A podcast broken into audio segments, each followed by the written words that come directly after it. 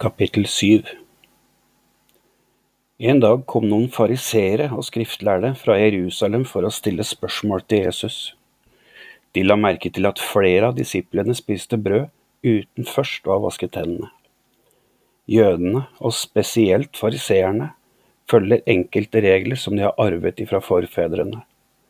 De spiser aldri uten først å ha vasket hendene.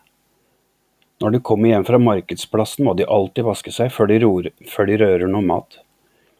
Det finnes også mange andre tradisjoner som de er nøye med å følge, for eksempel med å vaske krus, kar, kobbe kjeler.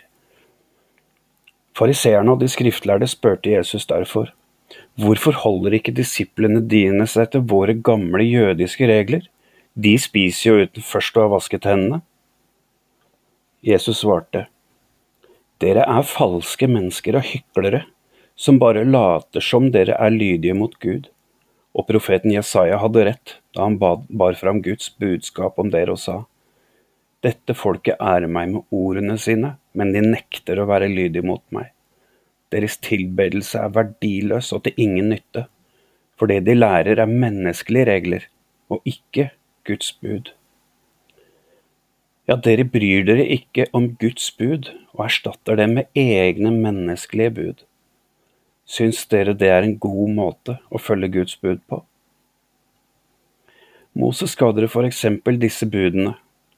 Vis respekt for foreldrene dine, og den som forbanner foreldrene sine, han skal visselig bli dømt til døden. Dere påstår at dere slett ikke trenger å respektere foreldrene deres eller ta hånd om dem når de blir gamle. Dersom dere bare i stedet gir pengene som foreldrene skulle ha hatt, som en gave til tempelet, da gjør dere Guds konkrete befaling ugyldig ved å følge egne tradisjoner. Dette er bare ett eksempel, og det finnes mange, mange flere. Jesus kalte til seg folket og sa, Hør, alle sammen og forsøk å forstå det jeg sier. Dere blir ikke uverdige innenfor Gud på grunn av det dere spiser. Dere blir ikke urene innenfor Gud av det dere spiser og stapper i munnen. Det er ordene deres, tankene og handlingene, det som går ut av munnen deres, det er det som gjør at dere blir urene innenfor Gud. Da Jesus hadde forlatt folkemassen og var kommet hjem igjen, spurte disiplene hva han mente med det han nettopp hadde sagt.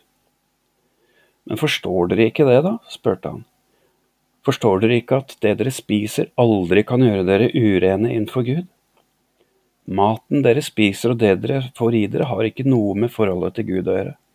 Den passerer bare gjennom magen og kommer ut igjen. På denne måten forklarte Jesus at all mat er godkjent av Gud og tillatt å spise og i tillegg så la han til det som gjør et menneske uverdig og uren innenfor Gud, er det som kommer ut ifra menneskets indre, ifra hjertet.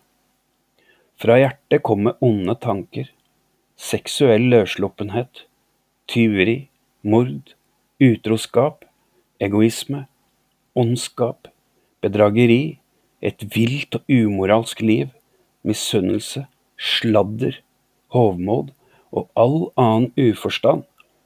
Alt dette kommer innenfra, og det er det som gjør et menneske uren innenfor Gud.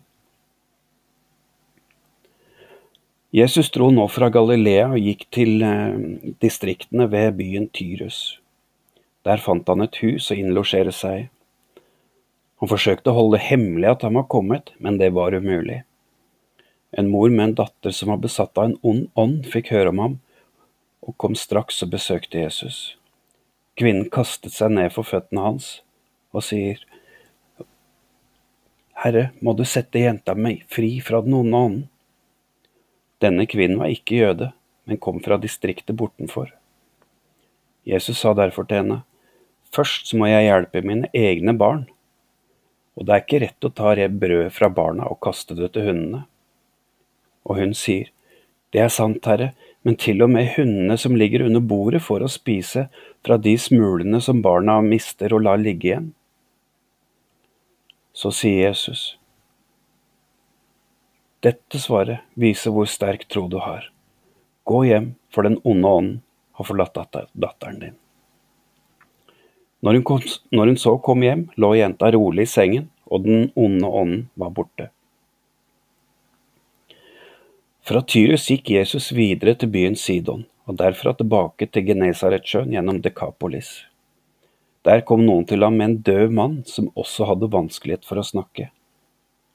De ba at Jesus måtte legge hendene på ham og helbrede ham.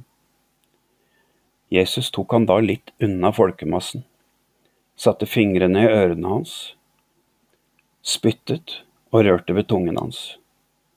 Jesus så så opp imot himmelen, og så sukket han og sa, Efata, som betyr lukk deg opp, og straks kunne mannen høre helt perfekt, og han snakket klart og tydelig. Jesus forbød folket å fortelle om det som nettopp hadde skjedd. Men jo mer han nektet dem, jo mer spredde nyheten seg vidt og bredt. De syntes det var så utrolig, og de sa alt han gjør er helt fantastisk, han får til og med de døve til å høre, og de stumme til å snakke.